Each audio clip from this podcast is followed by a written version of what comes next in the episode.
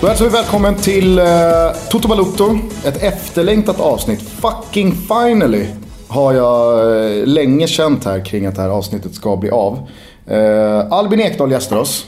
Jag tror att det inte är någon som lyssnar på den här podden som behöver en närmare presentation av honom. Drygt 30 landskamper va? Ja, t- 30 plus. Årets mittfältare 2015. 14-13. 14, 13, sorry för den. Juventus, Cagliari, Siena, Bologna, Hamburg, BP. Korrekt. Eh, välkommen till Toto Balutto. Stort tack. Thomas eh, brukar ju börja de här avsnitten med en fråga vad du känner kring eh, gästen som har eh, ärat oss med sin närvaro. Ja, exakt. Eh, Ja, när det gäller Albin så är jag en av de fotbollsspelarna eh, som är aktiva just nu som jag, och det vet, eh, vet du om också Albin, som jag känner nästan mest kring. Och en karriär som jag, den karriären som jag har följt närmast. Eh, jag har sagt det i tidigare sammanhang också, men Albin är lika gammal som dig, men inte bara, utan även som min lillebrorsa. Och, eh, ja, men, så jag hade ju förmånen då att följa BP Dream Team tidigt, eh, BP's 89 när, när Jonas och de mötte dem. Och det, det gick ju redan då, ja, men det, det pratades om det här laget som var otroligt eh, talangfullt och vann alla matcher. Eh, och sen, nej, men sen så blev det tidigt Juventus och jag bodde i Italien då, jag följde italienska fotbollen väldigt nära. Så ja, det har blivit naturligt så också. Hur känner du själv kring att vara med i podden? Ehm, det, är, det känns naturligt faktiskt. Är du ett fan? Eh, det är jag. Det är jag. Lyssnar inte själv så jättemycket på podd men eh, eran lyssnar jag på titt som tätt. Ni släpper avsnitt alltså, ja, ofta kan man säga. Jag tänker att det borde vara en del professionella fotbollsspelare där ute som uppskattar Toto Balutto med tanke på att det är mycket resande. Det tror jag absolut. Vi har ju flertalet i landslaget som lyssnar och eh, jag lyssnar när jag har tid. När jag har eh, lugnet i kroppen att luta mig tillbaks. Eh, och jag är ett fan också, måste jag ju säga. Då vet du hur det funkar ungefär. Vi brukar göra våra gästavsnitt. Vi kör en faktakoll. Eh, och sen eh, har vi ju fått, som vanligt där, men nu otroligt mycket frågor också. Eh, blandade frågor som vi självklart ska eh, skjuta ut. Ja, jag tänkte dock att jag skulle börja med en egen fråga. Eh, innan vi går på faktarutan och lyssnarfrågorna. Eh, ska vi kanske förflytta oss tillbaka i tiden för två år sedan när eh, du skulle lämna Cagliari. Ni hade åkt ur. Och eh, jag semestrade med Thomas i Italien. Och Thomas ringde din agent Martin Klette ungefär 40-50 gånger per dag. För att han eh, hade gjort det till sin livsuppgift att eh, han skulle då breaka vart du skulle. Jag ringde Albin också några gånger. Nej men då undrar jag så här, svajade er relation då? Nej, det, alltså jag, jag får svara på den först. Det var ju så här, jag jobbar ju inte med övergångar. Jag krönikerar på Expressen, eh, jag jobbar på TV och jag, jag poddar.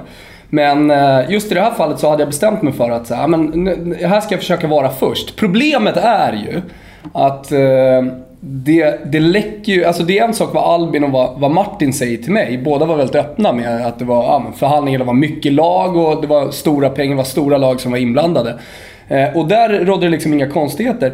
Men eh, problemet är att det läcker från Cagliari-håll. Alltså det läcker från, från andra delar också som är parter. Och som, ja, om, om det nu till exempel PSG är intresserade av, av, eh, av Albin, ja men då kommer det ju franska uppgifter om, om det. Sådär. Så det hade jag att förhålla mig till. Men det var efter hela den svängen så bestämde jag för att jag ska aldrig mer följa övergång för det här, det här var inte min grej alltså. Vad kände du och Martin kring Thomas de här dagarna? Äh, Martin var väl inte skitnöjd. Äh, han sa på sin härliga skånska där. Det, var någon jävla Wilbacher som ringde han stup i kvarten. Äh, men alltså, nej. Jag har inga problem att säga det till, till Thomas först om något här var klart. Men man kan ju inte liksom blanda in vänskap i, i den här ekvationen. Man måste hålla på informationen och respektera klubbarnas vilja också. Så är det. Eh, ska vi köra faktarutan? For the record så har jag och Martin en bra relation nu för tiden. Härligt. Skönt att höra. Ja, det är ofta Ringer mig ibland. Det är, ofta, han ringer mig oftare än jag ringer honom. det är ofta du får in i den här podden att du har bra touch med Det är många för att jag agenter. penetrerar grupper bra. Ja. Fullständigt namn. Albin Ekdal. Inga mellannamn. Nej. Jobbar inte sånt i vår familj. Märkligt. Det känns ändå som att Lennart hade velat passa vidare. Lennart. Eh, nej, han är otroligt uh, slapp när det kommer till uh, såna här grejer med dop. Eh, han är Laid back Du är, gubbe. med, du är med på att jag och pappa är kollegor numera? Ja. Men det är också en bra relation. Alltså de, de sänder ju Brottscentralen sänder de ju. Han är 24 där- till där 24/7. En dag i veckan kanske. Ja, och så blir det avsnitt över hela veckan. Ja, Framförallt så blir det en bra faktura. ja, det vet man. Det vet man. Ålder? Eh, fyller 28 om eh, tre veckor. Mm, 28 va? Mm. Grattis i förskott säger vi Grattis. Var är hemma för dig? Eh, Bromma måste jag säga. Vilka språk behärskar du? Svenska, engelska, italienska, eh, delvis tyska. Ta mig runt på spanska i och med att jag har italienska. Jag hör att vi har ganska liknande språkkunskap, eller Fram- språk. Framförallt så har ni liknande betyg på hur mycket man kan ett språk. Ta sig runt på. Thomas det är påstår lite att han tar sig runt på franska. Ja, men det kan man göra med, det är ju ett romanspråk. Alltså man, man, man klarar sig ganska långt på att kunna ett riktigt bra. Vilket eller vilka lag håller du på? Eh, Brommapojkarna. Eh, Djurgården. Eh, det är väl de två jag håller på. När jag var yngre höll jag mycket på United. Jag höll på Milan när jag var riktigt ung. Eh, men eh, det har jag släppt lite. Men vilka, vilka var dina idoler där? För det handlar ju, i alla fall, eller för de flesta så handlar det ju om att det är spelare man gillar. Vilka var dina spelare sådär i Milan? Så, Tänk. Milan, Pirlo, Rui Costa. Sen hade jag Scholes, Giggs. Beckham var ju häftig på sitt sätt. Eh, det var väl de. Ingen Tony Hibbert i Everton? Som... Mm, nej. Nej, inte det. Eh, nej men jag tänkte på det med Djurgården. Det är ju väldigt många som har hört av sig. Alltså jag har till och med fått Men det berättade ju SMS. Albin om i Lunds podd också. Ja, nej men jag undrar bara. Känner du själv att det blir... Har Bosse ringt? Det Nej, men känner du själv att det blir jobbigt ibland den här Djurgårdsbiten? För att jag tror att många med mig vet att du är en Stockholmskille som förmodligen kommer flytta hem till Stockholm när karriären är avslutad eller kanske har något år kvar.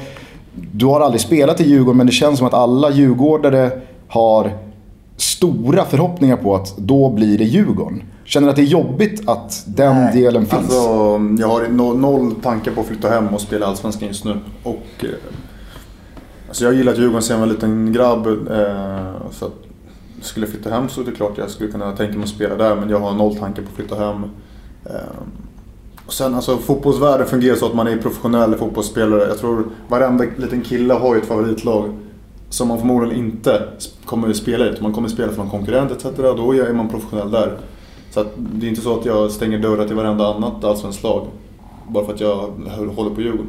aktualiserat här nu av Lukaku. Som eh, hade gjort en stor eh, apparat av att han då drömde om att spela för Chelsea och ville spela för Chelsea. Och sen så blev det United. Såg att Patrik eh, Sjögren, eller Bränning, skrev en eh, uppmärksammad krönika om det. Att så här, för vem skull gick han till Manchester United? Jag tycker inte man ska haka upp sig på det där faktiskt. Eh, det är, en, det är ett yrke, det är en värld full av pengar. Man, man går dit, man, eh, man blir uppskattad. Man säger inte nej till en jättestor klubb för att man innerst inne kanske håller på en annan. Man, man kommer göra sitt bästa ändå på en fotbollsplan. Det går inte att... Det finns ingen som ger 95% bara för att man egentligen håller på ett annat lag. Du nämnde ju några hjältar här, Milan United. Hade du någon eh, hjälte i eh, Djurgården eller i BP? Hans Karlsson kanske? Nej, BP hade väl inte jättemånga hjältar. Alltså det var, man såg ju upp till de här, Jon Persson såg man upp till mycket när man kom upp. eh, Poppen, målvakten. Stefan Bergtoft var ju där och han var ju en gammal eh, hjälte, supersub från Djurgården. Så att han, ja, man såg upp till Marcus Karlsson, Rickard Henriksson. Det är sådana som hjälp, hjälpte mig mycket när jag var typ 16-17 och började i BP's A-lag. Och sen eh, var ju Djurgården var ju grymma när jag var ung. Så det var ju liksom Kim Källström och, och Isaksson och Stjärten Oden och grabbarna. Kungen. Han är med i Gustens topp 23-trupp. Ja. Allsvensk debut va, mot Djurgården. Precis 2007 på Rosendal. 1-0. Runnemo. Assist från mig efter en minut. Ja, exakt. Man minns Nick, det var Nick där va? Nick assist. Mm. Gusten ville ju få det till att jag försökte nicka på mål tror jag. Det var, ju, det var ju ett svagt avslut. Nej, det var jättebra avslut. Oj då, Guterstam och det är 1-0 till Brommapojkarna. Kan ni tänka er vilken otrolig start. Ja, det är helt fantastiskt. Roligt måste man ju ändå säga. Och där faller, faller allt det här snacket, eh, full heter det, allt snack direkt om att Djurgården ska bestämma direkt från start. Mindre än en och en halv minut. Och så här såg det ut. Guterstam vinner nickduellen. Och Joakim Runnemo, hans anfallskollega, är framme. Han som ni såg göra mål i kvalet mot Häcken 2-1 målet som var så viktigt. Avgjorde definitivt. Ja, Där ser ni samarbetet och det är perfekt. Ja, helt eh, klart. Mycket snyggt mål. Just den här touchen vid främre stolpen. Eh, finns det något lag du verkligen inte håller på som du kanske rent av föraktar? Nej, egentligen inte. Jag, är för, jag har blivit för gammal för att hålla på och frakta. Det finns för mycket hat tycker jag. Eh, det är klart det finns eh, stora konkurrenter i alla ligor och, och fansen hatar väl det andra laget men utan, utan just det laget så hade det inte funnits den här glädjen och den här eh, spänningen så att jag har lagt ner det här med att hata. Finns det något lag du har tyckt var extra jobbigt att möta? Spela mot? Eh, ja, alltså mötte Juve så kändes det ju på förhand lite hopplöst liksom. Och även faktiskt när man kom till Napoli borta. Där har jag aldrig vunnit. Jag gjorde min debut i Serie A där och förlorade faktiskt med Juventus också 2-1. Så den arenan och Napoli har varit jobbiga att möta det känns som ett lag när de kommer igång med sitt lir. De är ett jävla lag som, när de spelar bra så kan de ja, gå hur långt som helst. Hade inte du också någon personlig vendetta ett par matcher i rad mot Berami? Ja, Berami och jag eh, gillade, älskade väl inte varandra så att säga. Eh, jag tyckte han var ja, oskön typ på plan bara. Störde mig på honom och han eh, tyckte väl likadant om mig kanske. Men eh, på tal om favoritlag. Eh, jag ser ju att du är fortfarande liksom, li, li, du har ju bott i Italien länge. Eh, och, och, och, skriver ibland och Forza Castedo och lite sånt där. Alltså, känner, du, känner du lite extra för Cagliari än kanske för andra klubbar? Självklart, självklart gör jag det. Det var ändå fyra år av mitt liv där. Eh, trivdes skitbra och blev behandlad jättebra av både klubben och stan och sådär. Eh, sen så slutade ju inte mitt äventyr där på det mest positiva sättet. Men det är klart att jag fortfarande har känslor för ön och för laget, absolut. Eh, vi har pratat en del om Chelino som eh, ägde Cagliari och som sedermera ägde Leeds också. Nu gör han inte det längre. Eh, och han har fått jävligt mycket skit. Finns det något positivt att säga om, om eh, den lite galna presidenten? Ja, För det är en av de tokiga. Han är tokig, han är galen. Det är han absolut. Men han är också en människa som brinner för, för det han gör. Han brinner för, för klubben han, han har hand om. och... Eh, han fightades mot kommun, mot stan i Cagliari hur många gånger som helst att vi skulle få en okej arena.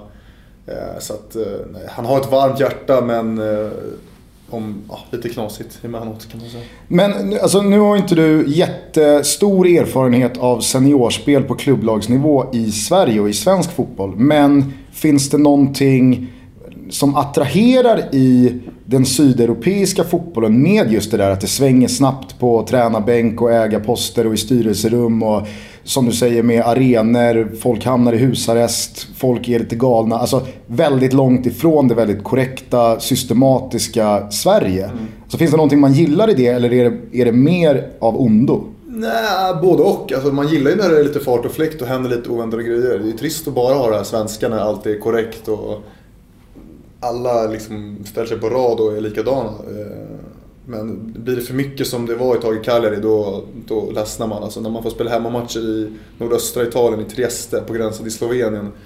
Då är man inte så jävla kaxig till slut. Deppiga matcher på TV minns jag också. Det är ju en ja, fin arena, men ja, den används ju inte. fans. Uh, flyga nej, från Sardinien, inrikesflyg vet eller kuska båt över. Ja, men jag, kommer ihåg, jag kommer ihåg bara att ta sig till Sardinien är ju inte speciellt lätt Nej, från Sverige. på sommaren är det relativt lätt. Men på vintern då kan det lätt bli två mellanlandningar och så sticker eh, notan iväg på mm. över fem lax. Liksom. Ja. ja. När vi gjorde Eurotalk Spelarna så åkte ju Björn Jonsson ner och träffade Albin. Mm. Höll ju på att sänka årsbudgeten. det blev ett bra program i alla fall. får man säga. Nej men eh, har du någon sån där lågvattenpunkt när det var som absolut rörigast? Inte för dig personligen i karriären, men någon sån här något minne från någon dag när du vaknade på morgonen och inte kände att det här, det här funkar inte? Vi hade match i Trieste någon gång och så hade jag tre polare som har kommit samma dag till Cagliari. Som jag hade typ gett nyckeln till grannpizzerian. Eh, och så förlorar vi matchen och så när vi sitter och käkar så kommer presidenten in och säger bara Retiro. Så här, ja, då ska vi stanna där i fyra dagar i Trieste, fem dagar till nästa match. Och då blir man så jävla trött och bara vill, alltså... Och retiro är italienska för ett kort intensivt träningsläge. Ja. När saker och ting har gått eh, lite dåligt, eh, resultaten inte har kommit så får Varje år, eh, fem, sex bottenklubbarna framåt eh, mars, april kör alltid Retiro i Italien. Palermo är mest där på det. Eh, och det är ju för jävla tråkigt. Eh, framförallt när man har planerat ett socialt liv eller ett liv på sidan av. Man har pröjsat biljetter för polarna för mycket pengar, man ska ha en härlig liksom, semester, eh, åka båt, eh, bada. Så får de klara sig utan det hela Hur deras blev det då? Det blev... Nej, nej, de fick eh, semester på, på egen hand liksom. Och jag var kvar i ett värdelöst hotell i Trieste liksom. Det känns ju faktiskt Vad, som... Gav det någonting? Alltså sp- sportsligt? Jag minns inte ärligt talat, men jag vet inte heller om det ger någonting. Det är svårt att säga. Det känns lite som att så här, de, de, de lever kvar i gamla mönster. Väldigt mycket mer i Italien än i andra. sa att de hoppas på resultat och att det är ett straff liksom. Att fan, vi pröjsar en massa pengar och ni är sämst. 70% straff, 30% Ja, resultat. Det känns så jävla osvenskt.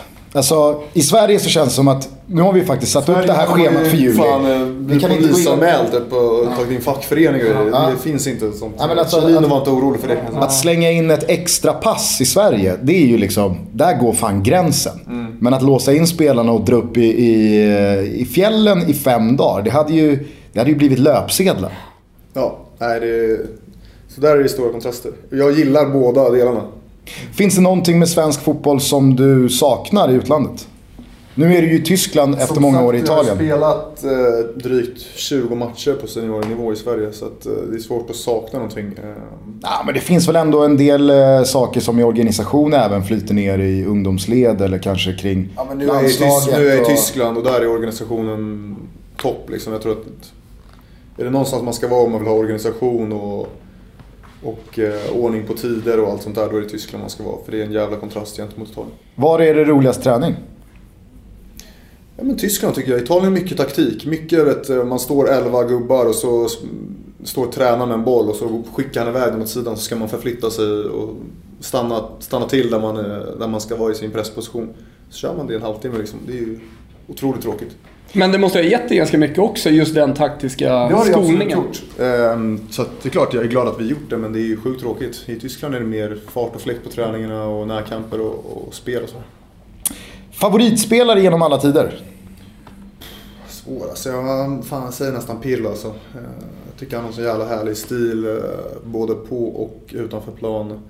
Eh, Han känns harmonisk, han har ett tillslag som är utan dess like. Ganska trevlig också.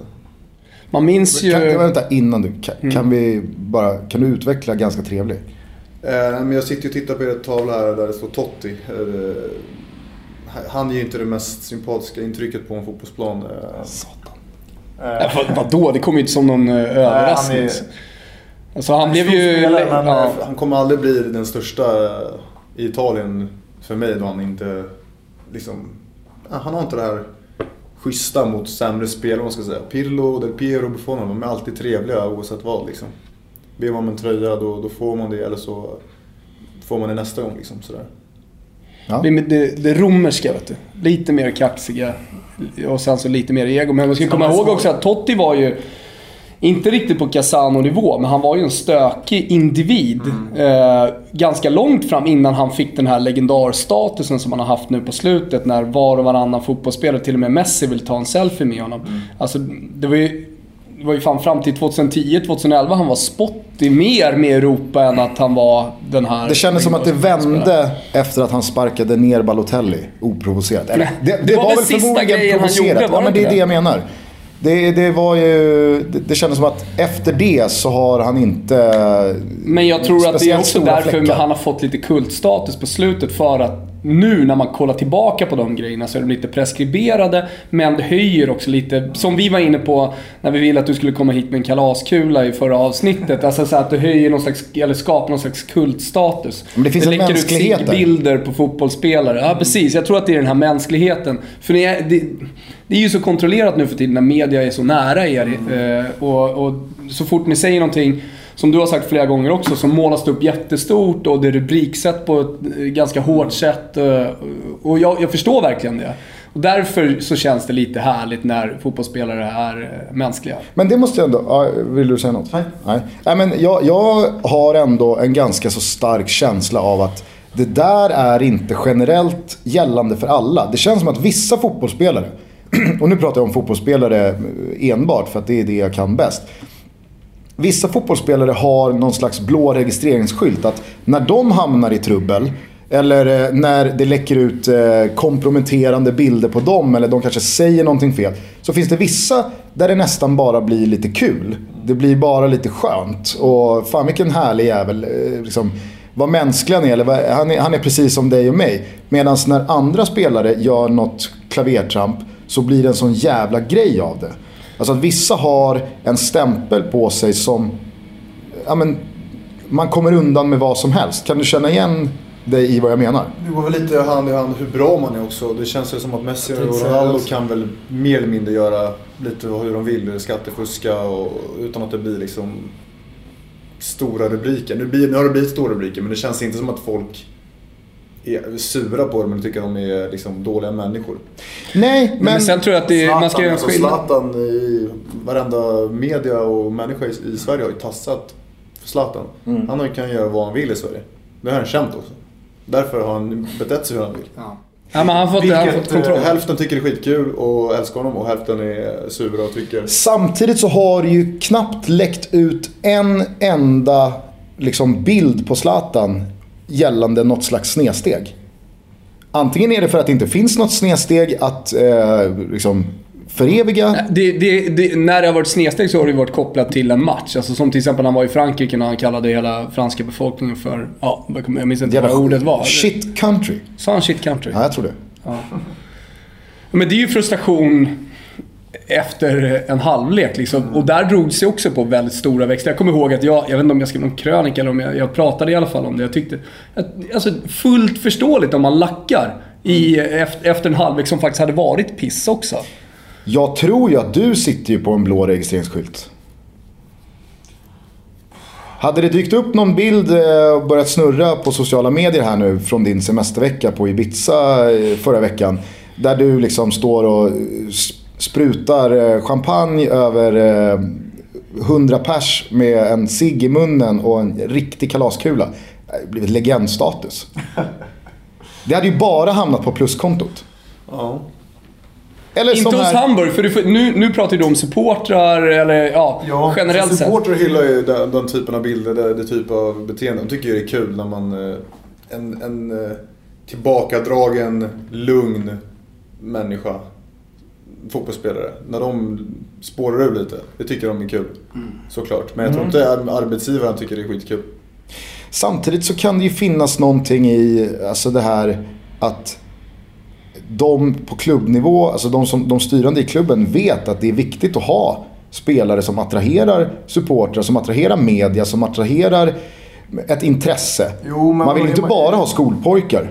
Nej, men eh, riktiga fans vill ju att spelarna ska vara i bra form och prestera. De vill inte att de ska vara sköna på sidan av planen. Vill man verkligen att de ska vara i bra form? Är inte allt prestation? Ja, men det går ju hand i hand, bra form och prestation. Jo, jo, men alltså det, det finns ju den gamla sägningen att liksom, gör du ett mål varje match, då får du väl se ut hur du vill och käka vad du vill. Och, men jag har svårt att se att de här riktiga fansen som brinner för sitt lag, som lägger dyrbara pengar på biljetter och merch och allting, att de ska tycka det är lite kul med bilder när någon av deras eh, viktiga spelare svinar runt på, på partyöl. ja, det kanske är svårt. Nej, men för många, alltså du, du hade ju ändå, du var ju på väg in där med glasbordet som du, det var inget glasbord Det var inget glasbord. Nej. Eh, Men bordet som du ramlade in i, i kanten, så, så var det ju väldigt många, jag kommer ju ihåg bara hur surret gick på, på Expressen. I och med att de dessutom vet att jag, att jag har god kontakt med dig. Där höll jag mig ganska bra. Eh, Men, eh, nej men just det att man, man ville ha ut något smaskigt från det. Man ville höra att du var dyngrak. Och eh, gärna att du hade fightats. Jag tror, med tanke på hur många som har försökt att dra i det där. Nej, det finns inte så mycket mer att hämta Nej, du- och från du- den här storyn. Nej men jag menar det, för du förklarade ju jättebra hos Olof Lund eh, när du var där. Alltså det, det var inget. Du, du ramlade baklänges, det var en jävla otur. liksom. Utan några följdfrågor. Finns det någonting som eh, aldrig kom upp ur ytan? Nej. Jag är helt, jag är helt lugn. Svara nej lite för snabbt där. Nej, nej. Jag, jag, jag har svarat på den här frågan alltså, 700 gånger. Det finns ingenting mer att hämta där. Men alltså, det finns inga hanterade- vittnen som skulle ha sett eh, ett bråk. Eh, det, det, det, var, det var odramatiskt egentligen. Finns det någon annan? Det dramatiska var ju att du höll på att dö, eller på Det dramatiska var att jag låg en vecka på intensiven typ. Alltså själva händelsen var odramatisk. Jag gick ju ut från krogen själv och höll för, min tjej höll för det öppna såret med en eh, handduk. Åkte till sjukhuset i ambulans. That's it liksom. Han du, redan, alltså, han, du, han du redan så snabbt tänka att där rök EM? Uh, nej, så jag förstod inte hur allvarligt det var förrän typ dagen efter när jag snackade med läkarna. Alltså, jag hade inte skitont. Eh, jag kunde inte se själv hur öppet det var. Men jag förstod ju på min flickväns min att det var allvarligt. Och de som hade bordet bredvid, eh, de tjejerna skrek ju som aldrig förr liksom också. När de såg. När de såg dig komma in på klubben. Och sen också, också. när du ramlade ner i bordet. Eh, Men hur hanterade Hamburg situationen? Hur var deras reaktion? Nu pratar vi om supportrar och media. Nej, det var ganska... Alla var ganska schyssta liksom. Alltså jag var ju beredd på... Eller klart jag blev ju sågad också, det är klart. Eh, Men eh, alltså... På något sätt så var det här en, den, en av de jobbigaste veckorna i mitt liv. Eh, Men samtidigt så är jag på något sätt inte glad att det hände men jag, jag bryr mig inte att det händer nu. För att jag, inte, jag har typ växt som människa. Jag vet att motgångar, eh, man kan, jag kan hantera motgångar. eh, Vi pratade om vasskampen, så här, hur snabbt det går att... Och Gusten pratade här lite innan om det går snabbt att komma i form.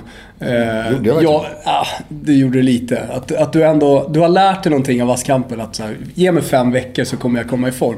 Men alltså, hur mycket blod tappade du? Jag tappade en liter och låg på sjukan i sju dagar. Utan att röra dig mer eller Ja, mindre? jag låg stilla i, i sex dagar i alla fall. Jag, jag skulle på toa efter första dagen. Eh, själv ville inte ringa någon sköterska. Eh, eh, nyopererad, tappade lite blod. Eh, var ganska svag så att säga. Och det var en månad eh, innan EM. Ja, det var sjunde, åttonde, åttonde maj. Men då måste du ju ändå känt... Men vänta här nu. Ja. Eh, när jag skulle på toa då hade jag på min sköna sjukhusklänning. Eh, Jag kände halvvägs i toan att helvete vad svag jag är. Nära på att svimma. Fortsatte ändå kriga lite. Mitt i under pisset så bara... Bam! Faller ner och svimmar under, under, under eh, kisseriet. På toan? Mm. Kom skiten då också? Vad sa du? Kom skiten då? Nej, nej, det var bara kiss. Jag fick ju skrika och skrika på hjälp där. Så kom de in i sköterskan efter några minuter och... Då låg du orörd Ah. Ja, Ola, jag, kunde, alltså jag vaknade till men jag kunde inte röra mig för jag hade så ont. Så jag fick ju ligga på marken och vänta på hjälp. Och fem veckor senare så eh, hoppar du in mot Irland. Eh, drygt eh, 20 dagar senare så tränade jag med laget ungefär. Ja, otroligt. Och Zlatan sa att han skulle pröva om jag kunde vara med i EM genom att ge mig en fet närkamp, en tackling. Gjorde han det? Ja, Hans välkomnande till mig i truppen. Ja, sen när jag var med så... Han, han försökte gå in hårt och han gjorde det också men det, det jag klarade det. Så att, då, då var jag välkommen i Du truppen. måste känna rätt stolt över att ha ändå gjort den resan tillbaka och spelat EM. Ja, jag är stolt eftersom alla, alla inklusive många medier var ytterst tveksamma och sa att det här kommer aldrig gå. Vad fan ska han med? Han kan knappt röra sig. Bla, bla, bla. det var många som faktiskt var emot, många krönikörer som var emot att du skulle vara med i truppen. Ja, jag, nej, jag vet. Så det, Och istället pushade för Oscar Lewicki. jag tror det. Det det, är, var, det var också... det är, det är bisarrt. Det var också en morot att, eh, att se det. Alla så kallade experter trodde de visste allting. Och sen så slutade det med att jag startade två matcher och gjorde det ganska bra. Men eh, om, om man tänker bort från den där liksom, revanschen gentemot andra. När du låg där avsvimmad i ditt eget urin. så måste du ju ändå ha känt en alarmerande panik. Att nu, nu hänger EM jävligt löst här. Jo, det är klart jag kände det. Eh, Och det måste ju varit, alltså den stressen. När det är en sån incident också. Alltså jag var, jag var ganska... Alltså jag var på botten den veckan. Alltså både mentalt, fysiskt, allting. Eh, jag mådde piss på alla, alla plan liksom. Eh, Följde du medierapporteringen då också? Eller? nej, alltså klart, jag nåddes ju av det. Ja. Eh, så att jag mådde piss på alla plan. Och är väl, ja, klart jag är stolt över mig själv att jag lyckades ta mig tillbaka fort och sen starta två matcher i ett EM liksom med, med ett R som ser ut som ett hajbett på ryggen. Har du kvar? Eller det är klart du har det kvar. Men... Jag har, har i allra högsta grad kvar ärret, ja. Thomas har en haj tatuerad på ryggen som ser ut som en brax. Det är ungefär lika, lika jobbigt. Eh, en spelare som du aldrig riktigt gillat. Var inte så jävla diplomatisk här. Men vi har ju redan pratat om Berami ju. Ja. ja. Du vill ha någon större... Nej, men jag minns ju hur du inledde din session hos Olof Lund. Att låt oss vara lite lösa och lediga här nu. nu ska det vara ett bra surr. Så att eh, nu tycker jag att vi, eh, liksom, vi filtrerar bort Mr Nice Guy här. Ja. Eh, ta en annan fråga så länge så får jag tänka lite. Okej. Eh, intressen utanför fotboll? Eh, jag gillar att resa så fort jag har tid. Eh, även om det bara är ett par dagar så brukar jag och min tjej dra någonstans. Eftersom ni inte kan åka så långt eftersom det ofta blir bara ett par dagar eller någon vecka eh, innan fotbollssäsongen börjar. Något resmål sådär som du verkligen känner att du skulle vilja? Nej men när jag bodde i Italien så drog vi jätteofta till eh, städer i Italien. Rom och Florens och drog till norra Sardinien och sådär. Milano mycket. Eh, I Tyskland har det inte blivit lika mycket i och med att hon jobbar då lite grann. Det finns ju inte så många resmål där som man är jättesugen på. Nej, jag vet inte. Det klingar inte lika starkt att dra liksom till Rostock över helgen. Düsseldorf. Ja. Jag var i... Eh, eh, vi kuskade runt i, i Gelsenkirchen. Mm. Alltså med Dortmund och eh, Mönchengladbach. Jävla hålor alltså. Jag har inte sett städerna. Socialgrupp 3-bältet där borta. Eller jag var där 2006 och såg VM-matcher i Gelsenkirchen. Superarenor och toppklubbar liksom. Men områdena och städerna, det är, det är ångest på hög nivå. Men eh, Düsseldorf ligger nära va? Ja, Düsseldorf. Jag de flesta bor i. Düsseldorf. Ja. Gladbach spelar. spelar. Eh, utöver resa... Alltså klassiska musik, film, eh, pröva nya restauranger, klockor. Top of your mind, bästa filmen någonsin. Eh, jag fortsätter på italienska spåret och La, La Vita e Bella. Ja, den, är, den är bra. Eh, en person utanför fotbollen som du ser upp till av olika anledningar. Medan du tänker så kan jag bara säga det. det var, eh, I samma veva som du var på väg bort från Cagliari så tror jag tror att det var då som du var på väg till Tel Aviv. Och då började, på semester. Och då började ryktena gå om att du skulle till Hapoel eller något av Det är eh, ganska lägen, lägen där. Lägga upp bilder från semestern och direkt så blir det lite Ja. rabalder. Du var aldrig nära en israelisk klubb. Jag var aldrig nära, nej. Ehm, Svårt där. Man vill ju inte svara um, familjemedlemmar. Det är ju tråkigt egentligen. Ja, det är korrekt. Mm. Ta nästa så funderar jag också på den här. Mycket betänketid. Ja. Din fetaste fotbollsupplevelse? Eh, Min fetaste, det måste ju vara hattricket på San Siro. Måste det ändå vara. Och på tal om polarna så hade du polarna på plats Ja, jag hade också. fem, sex polare på plats faktiskt. Så det var jävligt häftigt att se dem kaosa ut på läktaren. Det var ju också under en period när, jag kommer ihåg du hade pratat inför säsongen att du skulle vilja göra lite mer poäng, komma upp lite mer i banan. Där det flöt på rätt bra. Och sen kom en eh, eh, muskelskada som höll borta från Portugal. Ja, alltså hattrick på San Siro, det är inte många spelare som har mäktat med det. Nej, det är det inte. Framförallt inte en uh, Metsala i ett uh, mitten bottenlag liksom. Nej, och att tajma in den. Jag misstänker att det är också ditt enda hattrick i karriären. Det är det. Ja. Det hade ju kunnat vara liksom Värnamo borta med BP i Superettan. också. Nå, inte lika Det fett. hade varit rubriker också. En notis i Sportexpressen av Wilbacher. Såklart. Det är Mitt i västerort. Ja. Albin gjorde tre mål mot Värnamo. Eh, hur eh, högt håller man ett EM-slutspel? Jag antar att ett mästerskap Alltså, med sitt eh, land är liksom... Det eh, var jävligt häftigt att vara där och se hela maskineriet och alla stora matcher och spela men det kan aldrig bli så pass stort eftersom vi inte liksom vann en match. Faktiskt. ja. Men nu är vi ju ja, relativt nära ett VM om vi löser det här sista så att det hade ju varit ännu fetare. Vem från fotbollsvärlden hade du helst velat dela en flaska vin med?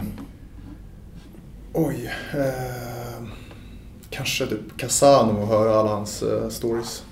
Jag hade inte velat dela det med sån här typ Messi. För jag tror inte han har mycket rot att berätta. Han är bara sjuk grym på fotboll. Jag tror inte han har levt livet utanför. Casano har nog gjort en del. Finns det någon du har delat en flaska vin med som var en bra moment? Alltså jag har delat eh, vin och öl med alla i landslaget och det, ja, efter ett par glas så berättas det ju mer och mer grejer. Liksom. Vem, vem eh, sätter man sig helst med då? Om man vill ha the good stuff. Om man vill dricka eller om man Vem penetrerar skål? Alltså, gruppen om bäst? du vill ha det verbala godiset. Men det är ju givet vem man sätter sig med. I, i. Fast Guidetti känns ju inte heller så jävla erfaren när det kommer till liksom det, alltså, det anekdotvänliga. Nej, nej men han, han är ändå, känns ju som en- han är ändå, alltså, han bra, är- han är ändå bra på att tugga och köra roliga stories. Så att, eh, Nej men du förstår vad jag menar. Jag kan inte tänka mig att Guidetti är upphovsmannen till speciellt många anekdoter. Nej men alltså du får ju Han är budbärare. komma ihåg att svenska landslaget det är ju ett gäng, jag vet, alla vi är ett gäng snälla, rara grabbar liksom. Det finns inga super bad boys. Kan du sakna att eh, vara ung bland 70-talister?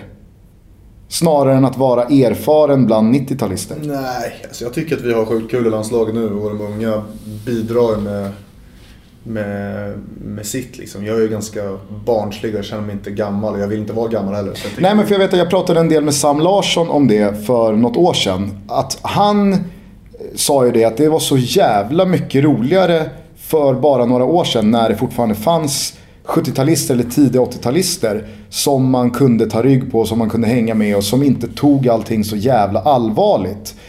Eh, jämfört då med hans egen generation där det var väldigt mycket liksom Nej men eh, efter träningen då ska jag hem och sova, äta rätt och ha på mig mina termosbyxor och det, det, det finns inte riktigt den här Ja, jag, tror att, jag tror inte att man kan dra det så, säga så enkelt att de tidiga 80-talisterna var inte så.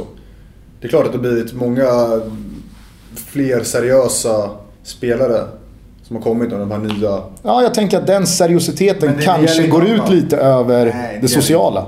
Kommer alltid finnas några i ett lag som är så, oavsett om de är 35 eller 20. Men jag tycker vi har skitkul landslaget i alla fall. eh, Och ja, Sam är en av dem som är en rolig och frisk fläkt måste jag säga. Vad har du själv för social position i landslaget? Eh, nej, jag har väl en eh, ganska gedigen roll när det kommer till det. Jag är väl ofta med och, och jävlas och eh, försöker väl bidra med något kul då och då också. Nej, men, alltså om vi bara stannar kort på Politiskt landslaget. korrekt svar. Nej men vi... vi det är helt korrekt. det, var, det, var, ju- det har hänt så jävla mycket på ett år. Eh, om man säger...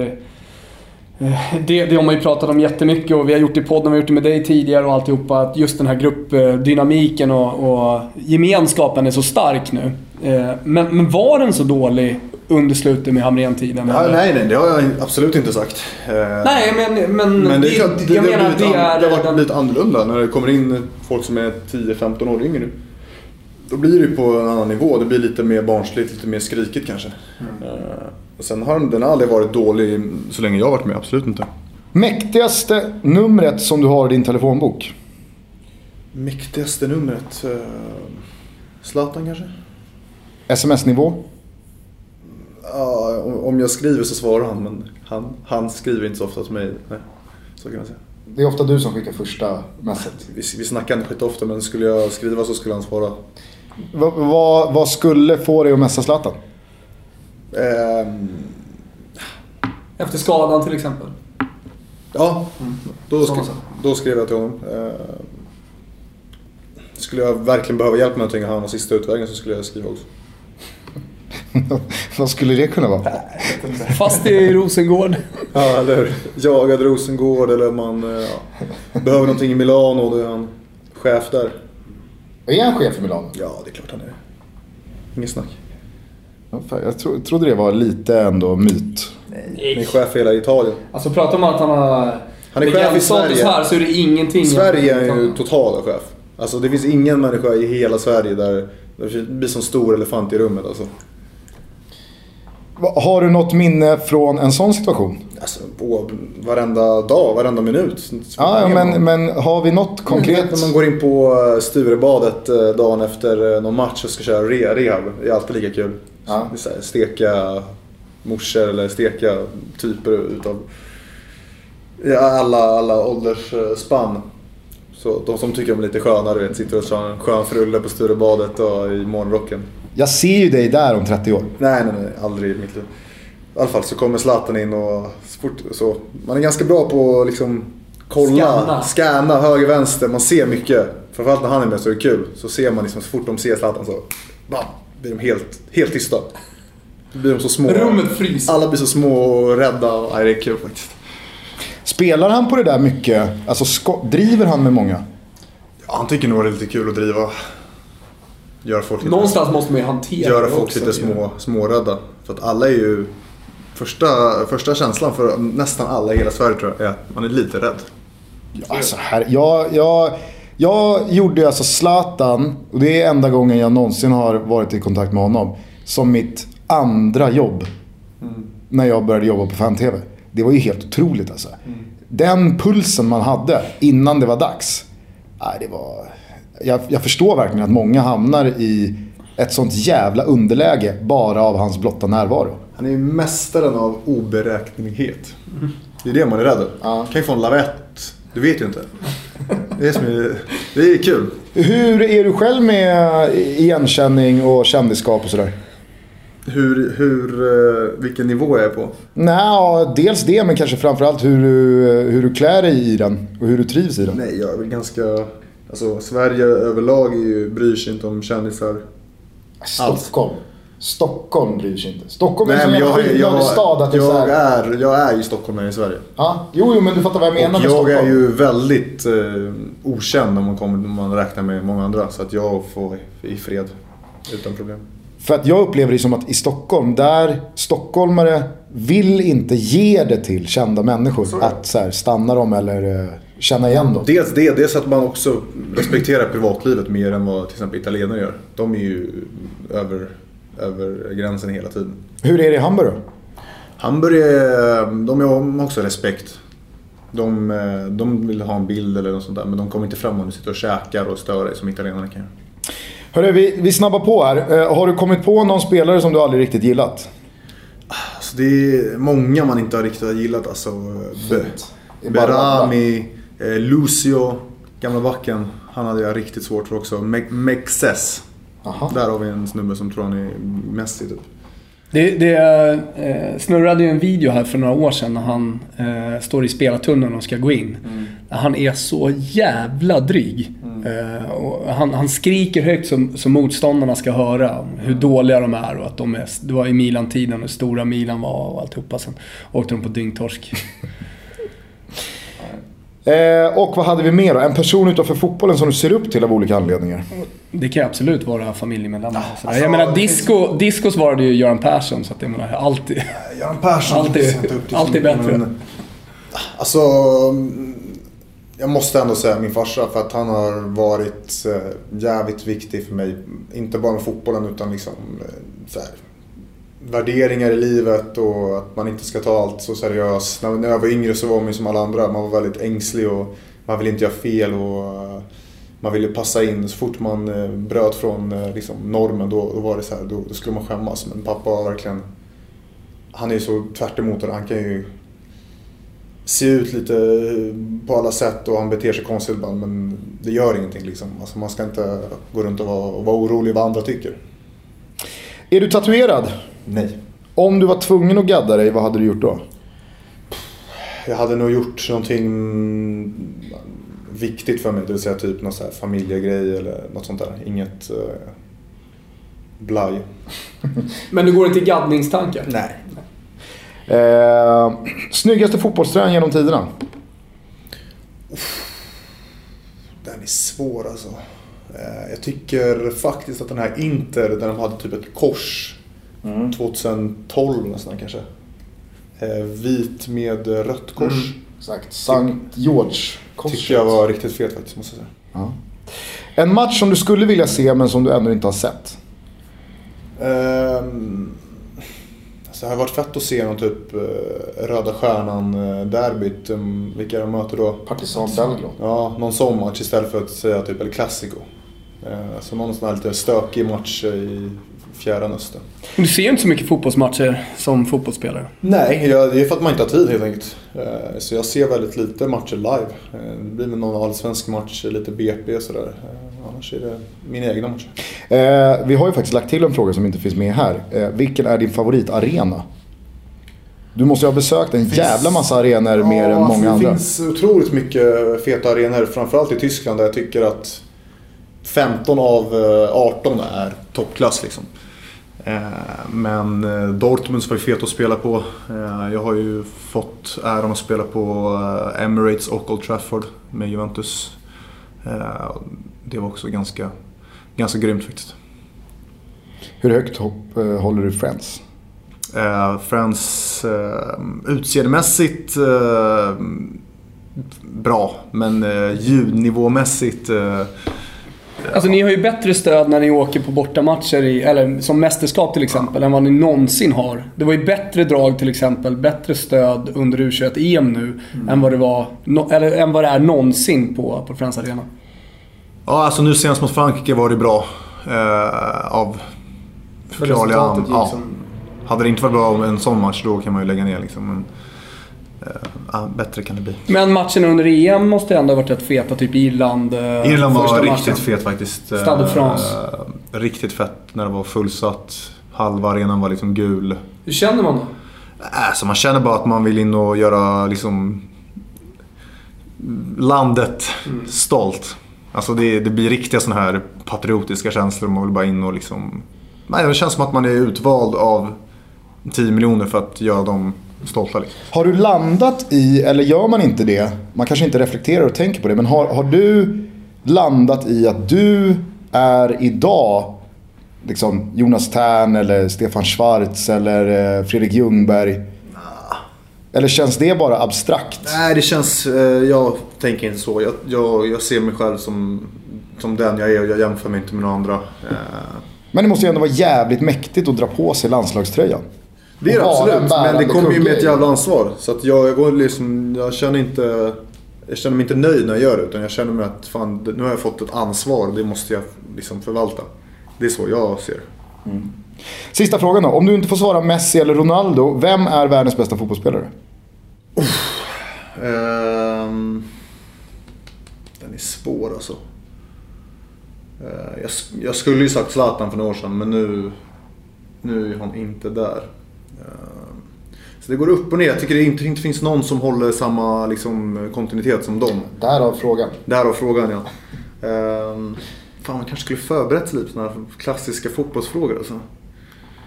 Ja, men du kan fundera på den, vi kan återkomma till den. Det är, det är helt lugnt. Vet, Jag gillar inte bara slänga ur med ett svar. Jag gillar... Jag ska kunna stå för det också. Ja. Gustav. Men har den det, var, lite i det, var, bakhuvudet. det var därför det blev då Lennart. Eftersom du inte ville svara tråkiga familjemedlemmars svar. Och sen så kom vi tillbaka till det. Ja, men det om jag säger Luis eh, Suarez då. Luis Suarez. Inte för att jag tycker att han är nödvändigtvis den bästa, men han stänker in mål oavbrutet. Så då måste han ju vara där uppe. Ja. Bra svar. Hörrni, av allt att döma så verkar det ju eh, glasklart att eh, Albin eh, kommer att spela i Hamburg även den här säsongen. Men det finns ju betydligt större och starkare rykten att gå in då och spela på. Huruvida spelare ska byta klubb eller inte. Vi har redan bollat upp Kylian Mbappé. Nu bytte Lukaku till United. Vilken spelare finns det nu att kanske grotta ner sig lite i? Nej men jag tycker ju att det finns anledning att ta upp eh, Kylian Mbappé. Eh, som var mitt tips då, eller mitt råd, att spela honom 12 gånger pengarna till PSG. Jag tycker att det har intensifierats lite. Det är ju, verkar ju hänga mellan Real Madrid och PSG. Men nu har ju oddset sjunkit på Mbappé. Eh, så han var nere, senast jag kollade, på 7 gånger pengarna till PSG. Så redan där så har man varit rätt ute. Ja, det, är- det är ett jävla dropp. Eh, Men allting har att göra med liksom hur media rapporterar och vad som sägs från agenter och så vidare. Så det, det, det gör ju det här väldigt speciellt och därför ska man kanske lyssna lite extra då. En spelare jag tror eh, man, man ska verkligen eh, hålla ögonen på eh, och det kommer bli en jävla soppa kring. Det är ju Aubameyang. Eh, exakt, eh, och det är ju så jävla roligt liksom att de två klubbarna som det har pratat om mest de senaste 24 timmarna, sen kan ju allting ändras. Det har varit ja, dels Kina-ryktet då, som placerar honom där han ska få hur mycket pengar som helst. Eh, och dels då Milan. Så att det, det, det är Milan som är någon slags europeiskt förarsäte vad det gäller Aubameyang. Men med Lukaku till United så tycker jag att Chelsea kommer här inför upploppet som ett eh, motbud. Ja, fast å andra Det sidan... finns ju inte jättemånga strikers tillgängliga. Nej, men å andra sidan så är Chelsea jävligt sugna på Morata också. Eh, Morata har ju ruggigt mycket game. Det får man säga. Det får man säga. Som ni hör, det finns hur mycket som helst eh, att eh, grotta ner sig i vad gäller odds på spelare att byta klubb. Allt det här finns på Betsson.com och det är fortfarande så att välkomsterbjudandet är att eh, nya kunder hos Betsson får ett riskfritt spel hela vägen upp till 1000 kronor som matchar er första insättning. Så att, varför inte då lägga ett litet riskfritt spel på att eh, Morata eller eh, Aubameyang byter klubb här under sommaren. Det gör man med fördel hos Betsson och dessutom så håller ni ögon och öron öppna under veckan för nya Toto-tripplar. Där finns det både cash att vinna och allsvenska matchbiljetter att hämta ut.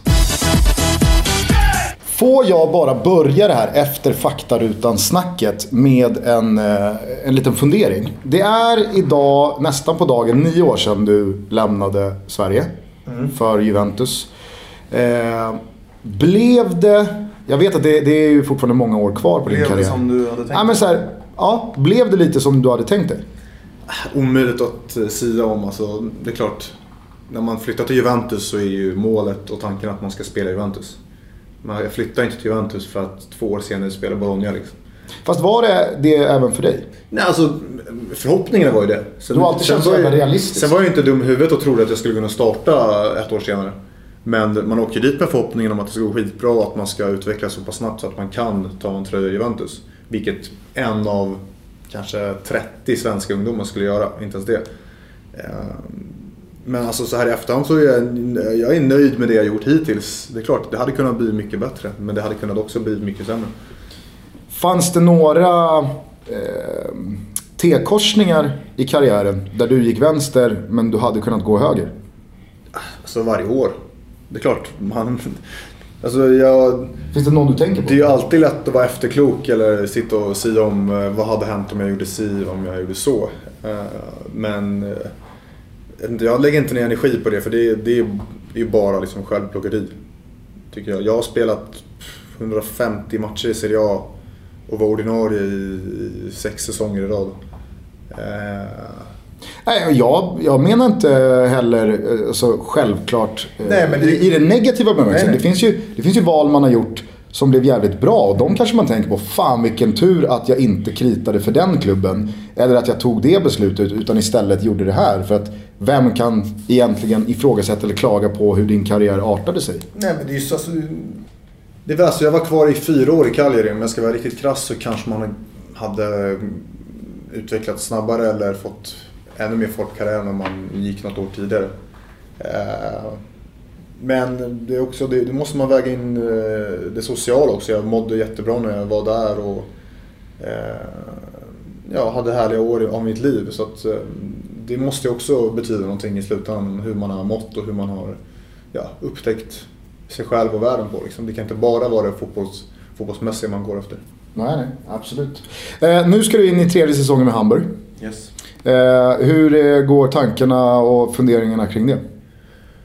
Eh, De går som så att jag hoppas att jag får vara skadefri en hel säsong för då tror jag att jag kommer spela bättre helt enkelt. Eh, Jag har haft två säsonger där jag har varit ordinarie när jag varit frisk men jag har varit frisk ganska sällan vilket eh, har varit påfrestande. För, att, för de som inte vet det så kan väl du Thomas bara förklara kort eh, vad Hamburg är inne i för period?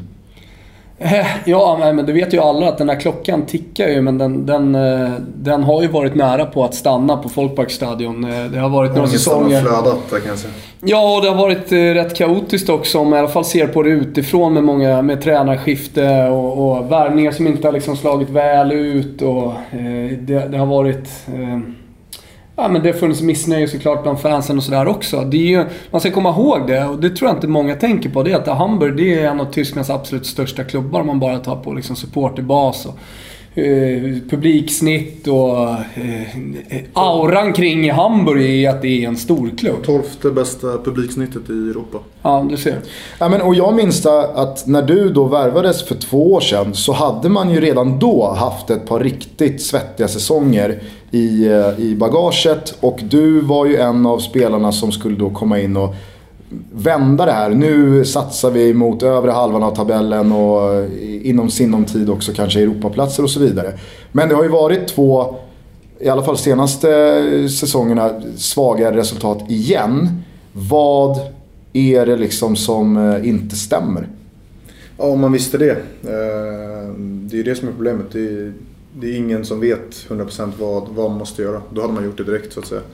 Eh, Har man gjort någonting annorlunda nu inför nästa säsong? Upplever du? Alltså, problemet är ju att det är kanske svårt att locka till sig riktigt bra spelare när det har sett ut som det gör. Eh, kanske inte finns jättemycket pengar till, till höga löner eller stora transfers och då, då får man inte de spelarna som kanske skulle, skulle ändra, eh, ändra lagets ja, prestationer. Eh, så jag kan egentligen bara snacka för egen del och ja, senaste året, senaste säsongen gjorde jag kanske 13-14 matcher från start och 5-6 inhopp. Eh, på grund av skador. Så att eh, då, då förstår man själv att det var en hackig säsong för mig. Att, det var svårt för mig att bidra på det sättet man vill. Många som kanske inte såg matcherna, men som reagerade när de kollade på Livescore-appen och såg startelvan och Albin Ekdal som, som mittback. Ja, det var tre, tre matcher jag fick hoppa in och vikariera. Bland annat Dortmund borta mot Aubameyang fick man stångas. Hur var det då? Ah, inte, inte kul alltså. Jag har aldrig spelat mittback innan och fick... Du pumpade ju inte den backlinjen i onödan. Nej, jag låg kvar och tog extra med. Jag, jag föll eh, fem meter i förväg mot Aubameyang kan jag säga.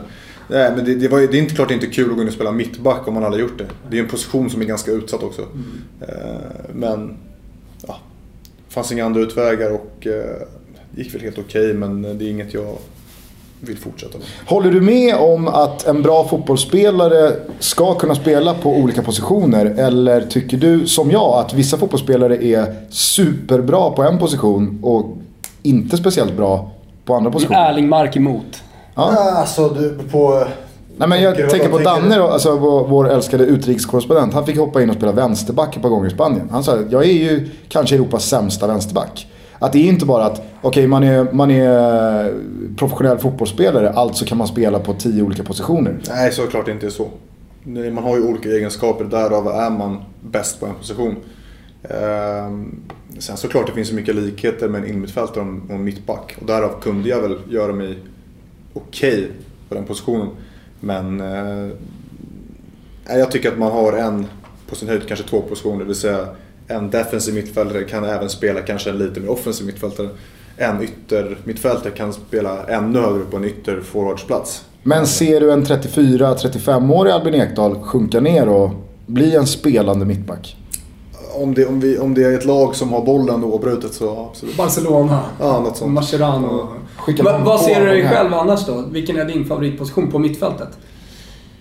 Alltså, Tyvärr har man väl eh, insett att, man är, att jag är, jag är bett, alltså bra på att försvara. Kanske lite bättre på att försvara än vad jag är på, på den offensiva biten. Så att en, en innermittfältare som, eh, som vinner mycket boll, eh, jag förlorar sällan närkamper måste jag säga. Och är även duktig med bollen. Så att, en klassisk tvåvägsmittfältare som som eh, klarar av det mesta ganska bra. I landslaget nu på senare tid har jag i alla fall uppfattat det och upplevt det som att Jakob Johanssons intåg bredvid dig centralt har gjort att du får ha lite mera konstruktiva uppgifter med bollen och du får lite andra uppgifter i anfallsspelet än vad du kanske har haft i tidigare mittfältskonstellationer centralt. Ja, men det, det stämmer skulle jag säga. Han är ju också en defensiv lagd innermittfältare.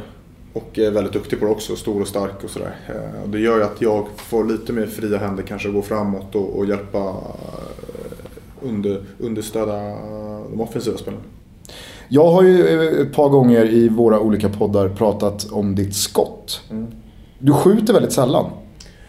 Det Trots att du sitter inne på en jävla hästsmäll. Det gör jag men det har ju med att göra att jag sällan kommer så högt upp också. Jag har haft mer defensiva uppgifter. Det är ju sällan man kommer precis utanför så kallade bananen och, och kan smälla av liksom. Men du har det fortfarande?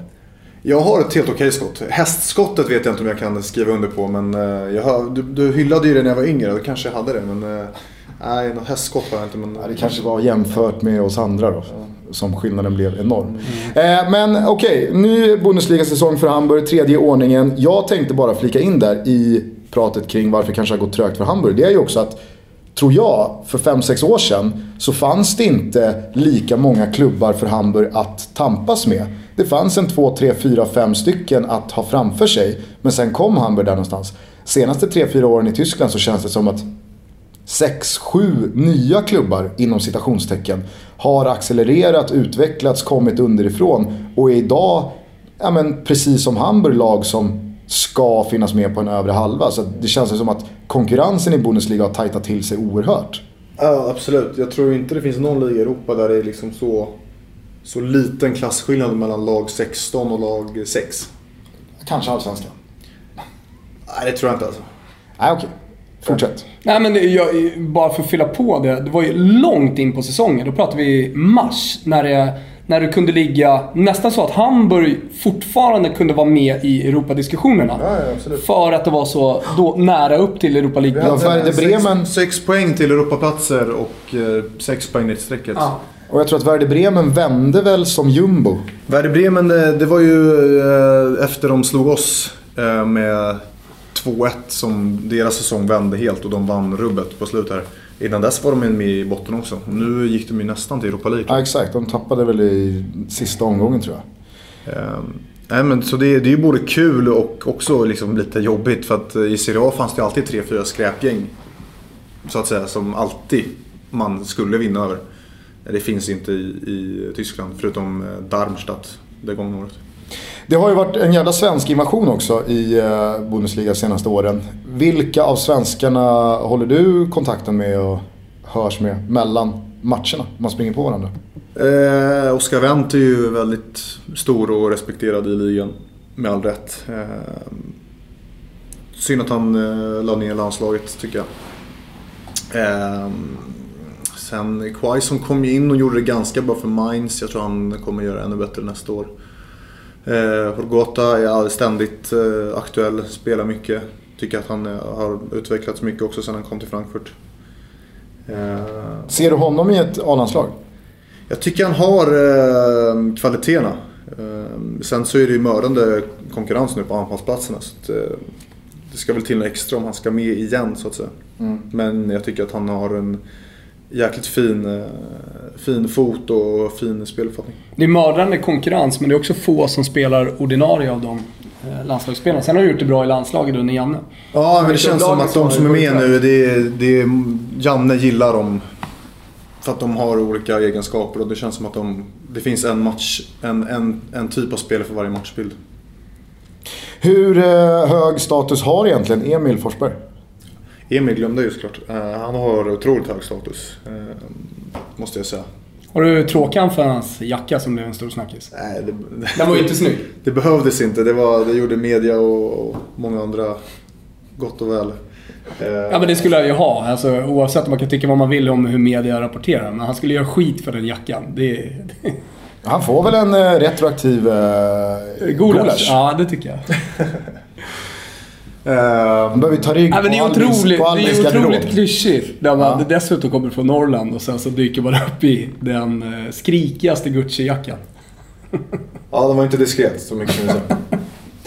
Nej men, eh, Nej, han är otroligt stor. är du förvånad över hur bra både han och Leipzig gick? Både och. Ja, jag är förvånad att de kom, vad kom de? Trea? Tvåa? Tvåa? Ja, det är klart jag är förvånad över det. Eh, inget snack om saken. En nykomling som kommer tvåa, det är eh, sällan man ser. Eh, och sen att Emil gjorde succé, både och. Alltså att han ska slå något assistrekord trodde man inte på förhand. Men att han skulle göra bra, det visste man ju. Eftersom man hade sett hans utveckling eh, både i landslaget och på träningarna. Man ser att han har ett, ett, steg som få andra liksom. Albin känns ju som en framtida företagare. Ja, det är många som undrar vad han ska göra framöver eh, efter karriären. Nu pratar vi inte så mycket om det för att han har varit inne på det tidigare. Han vet inte riktigt. Utan nu är det, nu är det sånt jävla fokus, 28-29 bast gammal, på att bli skadefri och, och, verkligen göra en kanonsäsong med Hamburg. Så att det kanske då kommer upp, tror jag i alla fall, eh, större klubbar som är intresserade av honom. Men om tio år så kan jag ta gift på att Albin är inne och snurrar i minst tre företag. Ja, men det är jag ganska säker på också. och vad behöver man då då? När man är eh, ny på någon branschmarknad, behöver lite polare och kontakter? Ja, polare och kontakter. Alltså mycket idag handlar ju om att nätverka, eh, att skaffa sig de här viktiga eh, kontakterna också. Inte bara någon kundservicechef någonstans, utan nu, pratar vi beslutsfattare eh, deluxe. Eh, och då går man ju med i det bästa företagsnätverket som man kan gå med i, nämligen BEN. Business Event Network. Det är ett eh, business-to-business-nätverk som sammanför eh, företag från alla olika branscher i hela Sverige. Och de gör det genom jävla premium-events. Mm. Så att eh, spana in Ben och eh, deras eh, både hemsida och sociala medier för att få en lite matigare bild av vad de sysslar med. Och är ni en beslutsfattare på något slags företag, ja, tveka inte. Det är fan bara hoppa på. Det. Ja, hoppa på och mejla och sen så vet ni också att det kommer ju komma lite special Toto och Ben-events också framöver. Så att, eh, det, det, det, tycker vi är kul och det ska bli kul att träffa också våra beslutsfattande lyssnare. Ska vi kanske göra ett, sätta ihop ett AB, en korsbefruktning mellan Ben Ben och Toto och sätta Albin som VD.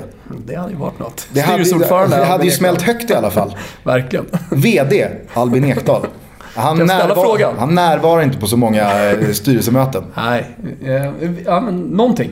Ja, men eh, kolla in Ben hörni. Det är ett jävla supergäng och deras produkt är topp, topp. Precis som Toto Baluto. Vi bränner av lite lyssnarfrågor. Ja. Det är en jävla massa Djurgården här. Men John Holmstedt, när hade du senast en redig fylla? Uh, för uh, två veckor sedan. Mm -hmm. What's the occasion? Nej, inte Ibiza. Uh, det var uh, midsommar på bröllop på Mallorca.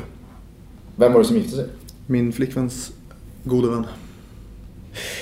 Erik Bertzell skriver så här. Hur hanterar man som svensk att en landsman och vän, inom parentes frågetecken, i klubben blir utfryst? Och då antar jag då att han tänker på Nabil Bahoui. Alltså, det händer ju varje dag i eh, internationell fotboll att spelare i, i klubbar blir mer eller mindre utfrysta och inte får spela, knappt får träna. Alltså, det är ingen ny situation men det är klart att det blir extra svårt för, ja, i det här fallet mig, att hantera när det är en kompis och en landsman i, i laget. Men ja, det gäller att bara försöka få honom att hålla huvudet högt och, och peppa och liksom få honom på andra goda tankar. Uh, ja. Vad tror du om eh, Nabbes framtid? Jag hoppas att han får eh, komma, komma igång och spela.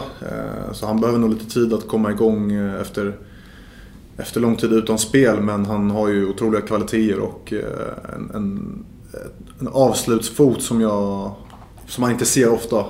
Knorrar den i bortre med, inne med, med bredsidan är han mästare på.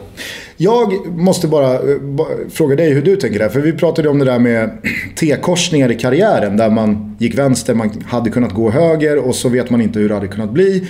Men där kan jag känna att eh, Nabil Bahoui kanske haft den tydligaste T-korssvängen de senaste åren i svensk fotboll. Där jag förstår och respekterar att man går vänster till Saudiarabien och Degen.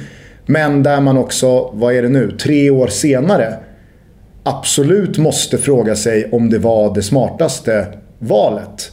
Eh, där är ju lite det jag menar med att det finns ju också beslut som kanske gick åt andra hållet än att man, som du vill uttrycka det, att man sitter och grämer sig att varför gjorde jag inte så, då hade det kunnat bli bättre.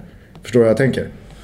Ja, eh, men jag känner inte att jag är rätt man, eller någon annan för den delen, att, att döma någon annans val. Eh, det finns säkert många, som alltid, det finns alltid anledningar eh, som inte allmänheten känner till om varför man gör si eller så. Eh, det är otroligt svårt för en journalist eller för en en lekman eh, att eh, säga om varför en person gör som man gör. Har du fått eh, något riktigt ekonomiskt lukrativt erbjudande från en sämre sportslig adress? Ja, absolut. absolut. Har det varit aktuellt någon gång? Nej. Inte än. Okej. Men nu fyller du ju snart 28. Eh, jag, Det är nu det jag ska börja rulla ja, på men jag ju. sätter Jag, dig jag på... ser ju alltid 28-29, det är då det ska släppa. Ja, men jag, sätter, eh, jag sätter dig på... Kan du ha en 30 millar om året? Om jag har det i mig så att säga. Nej, har du det nu? Nej men det tänker jag inte diskutera. Nej, men någonstans där. Om vi säger då att du får... Du får 100 millar per säsong. Två år i arabvärlden.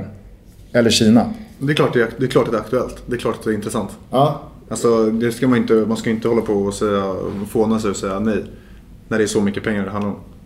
Eh, det är samma sak med Marcus Berg nu som, som gick till arabvärlden.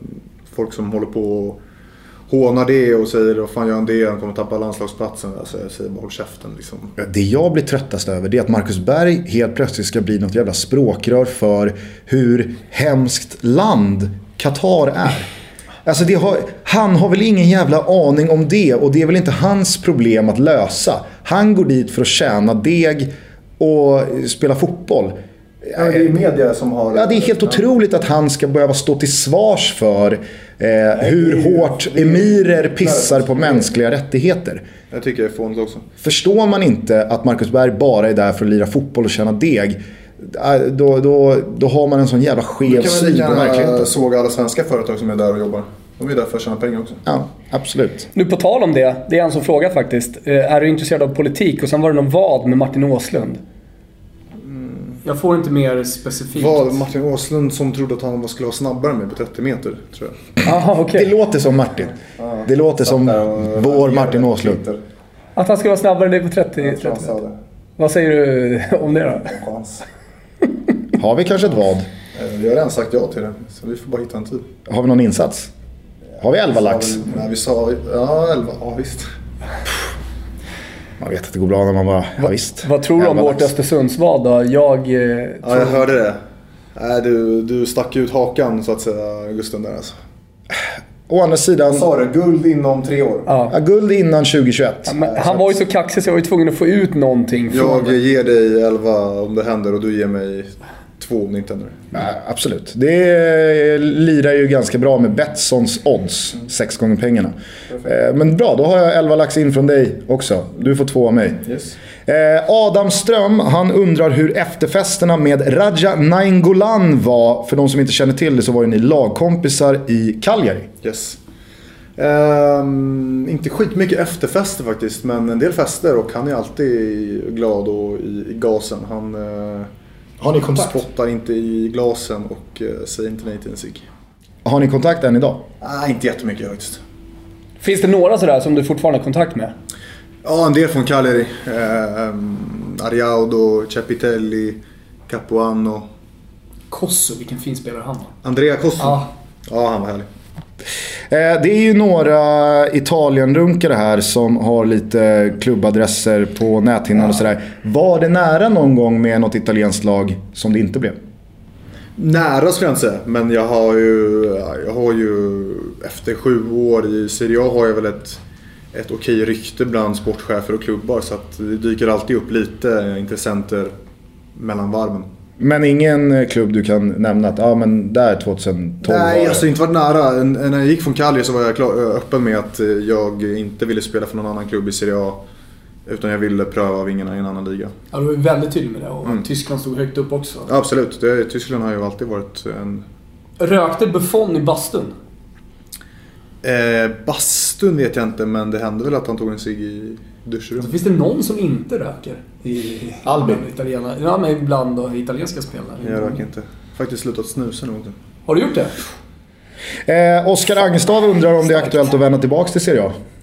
Eh, det, det skulle jag kunna tänka mig absolut. Om det dyker upp någonting som, som passar bra. Eh, men jag har inte bråttom iväg från Hamburg utan jag trivs, trivs bra där. Och, och hoppas att eh, jag ska få vara skadefri en säsong i alla fall.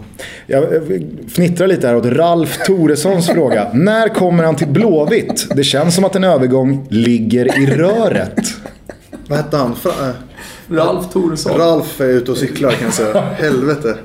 Mats Gren har ringt. Ralf ligger är inte enda i i Sverige som känner att en övergång till Blåvitt för Albin Ligger i pipen. ligger i pipen. Den ligger inte i pipen. Eh, Det finns ingen övergång till Allsvenskan som ligger i pipen just nu. Eh, Sen har jag ingenting mot Blåvitt.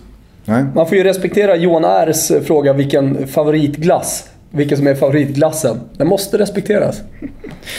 Är det alltså GB eller? Är det... Nej, det vet jag. Det... Finns en, eh, i Ålstensgatan i Bromma finns det en grym eh, Fan vad ni italiensk, Brommabor hyllar italiensk glass som är jävligt fin alltså. Fior di latte där, är- ja det är fint. Annars, annars gillar jag en klassisk sandwich faktiskt. Tryckte den igår. Okej, på tal om att du äter italiensk glass i Äppelviken då. Freddy frågar, de flesta fotbollsspelare kommer från en arbetarklass. Albin gör det inte. Tror du att det har hjälpt eller stjälpt din karriär?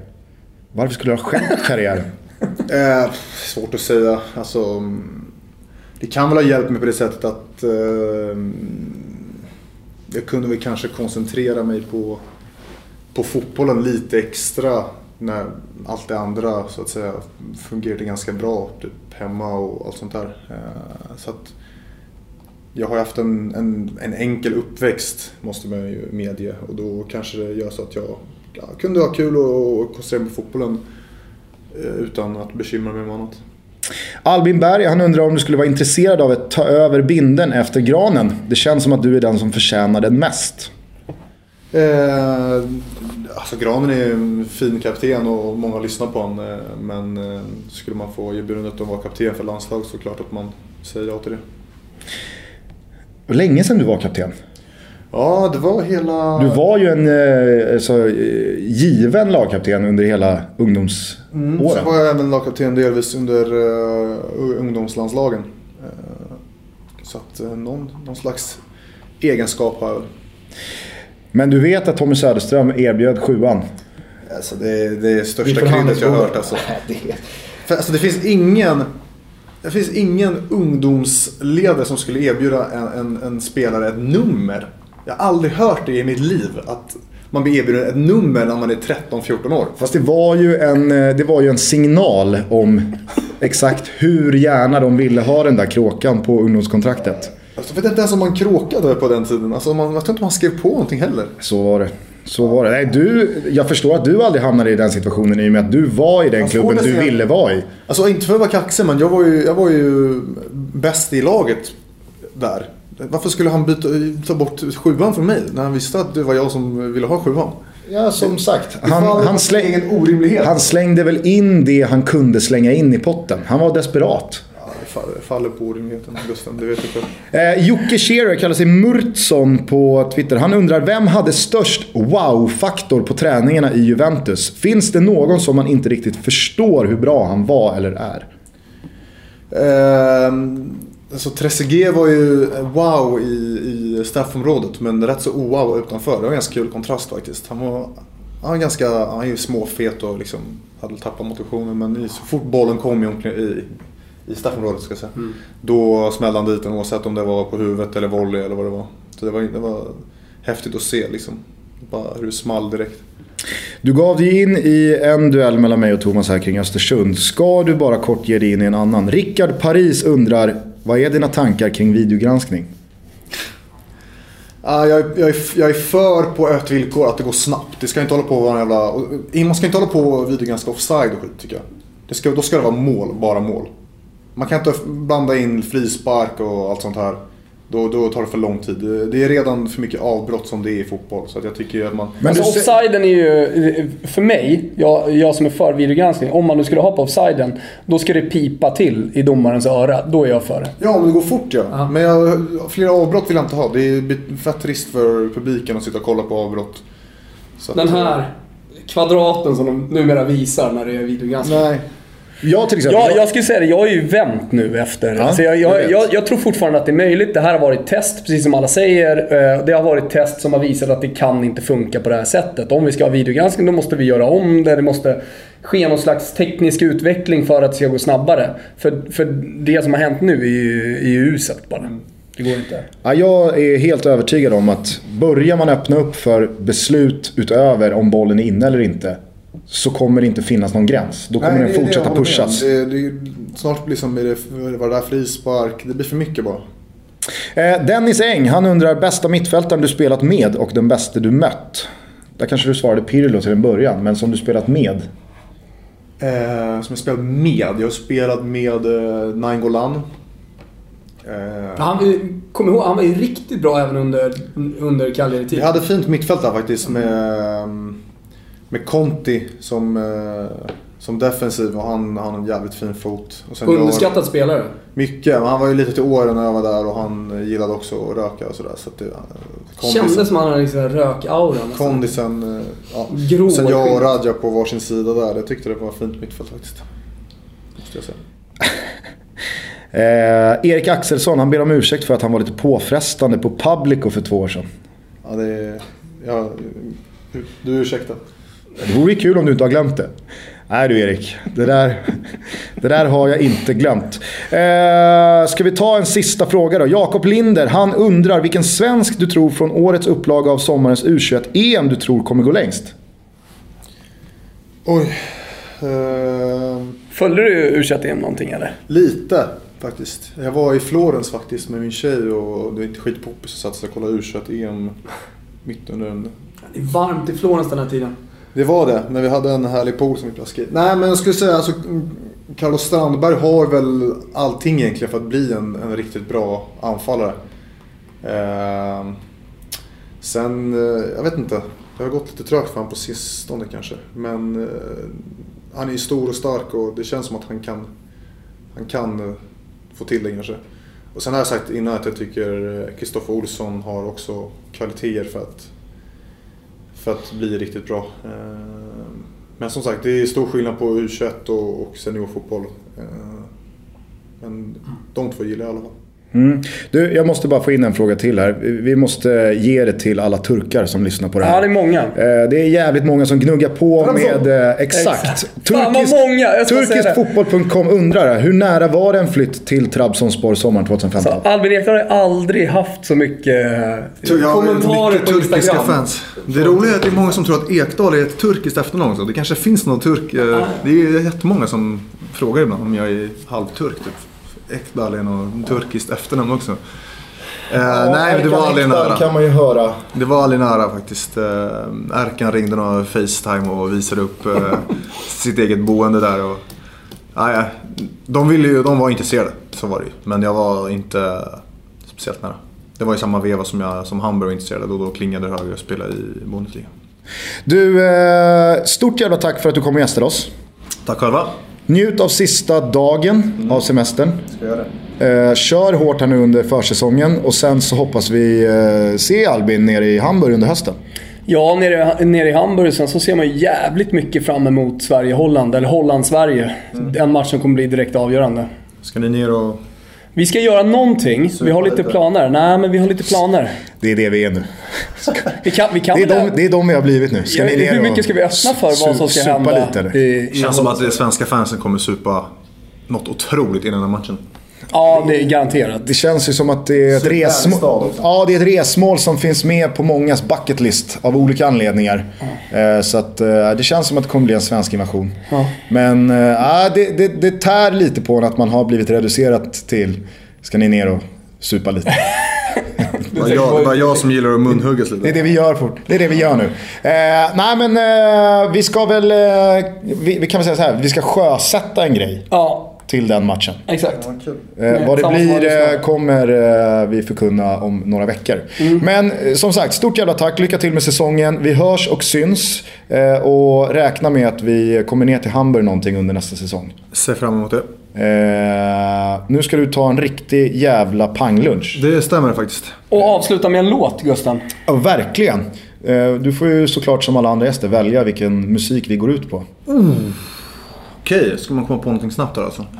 Ja, det har du ju inte visat. Kommer du direkt från eh, Stor Ibiza styrka på, dessutom? Kim. Då är det mycket, jag tänker bara om det är Vad lyssnar, vad lyssnar du på för musik? Jag lyssnar på eh, faktiskt allt nästan, men eh, i synnerhet eh, Metallica och eh, house techno. Okej. Jag kör Metallica-låt. Blandat. Ja. Mm, vi kör eh, Harvester of Sorrow med Metallica. Då blir nog Kim glad. Kim Det- och Mjällby. Ja. Mjäll- Mjällby. Vad var det han sa? Ju hårdare desto bättre. Ja. Det är Mjällbys devis. Den funkar ju i många rum. Ju hårdare desto bättre. Eh, bra! Eh, följ oss på sociala medier.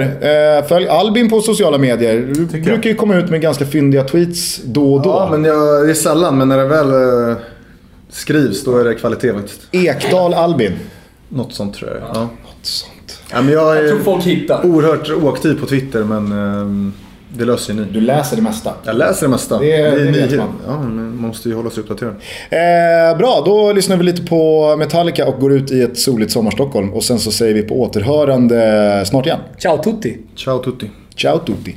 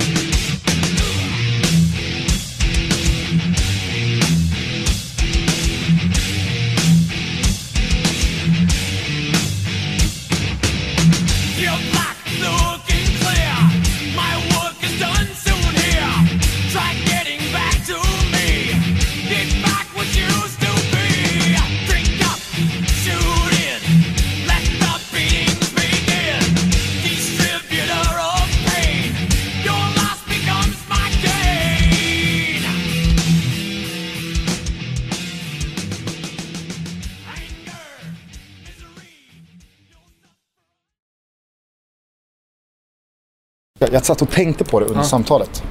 Eh, jag, har, jag har ett estetiskt eh, önskemål. Kan du under den här säsongen för första gången testa skägget? Men jag har inte tillräckligt bra skäggväxt Jo, för att det få har du. skägget. Nej. Jag, jag, jag står ju två Men decimeter det blir för glest. Kan du testa? Det blir, eh, alltså jag har lite överallt. Jag hade hellre haft mycket eh, typ mustasch och på hakan liksom. Men jag, får- jag, får, Pilloskägg. Jag får, det blir inte tillräckligt bra alltså. Jag Du har, eh, vet du vem du har en ganska lik skäggväst om? Nej. Altin Topp. Så det är bra på kinderna. Betydligt har- mer eh, än vad jag har. Ja, ja, absolut. Men det är lite, Ja. det är lite åt samma håll.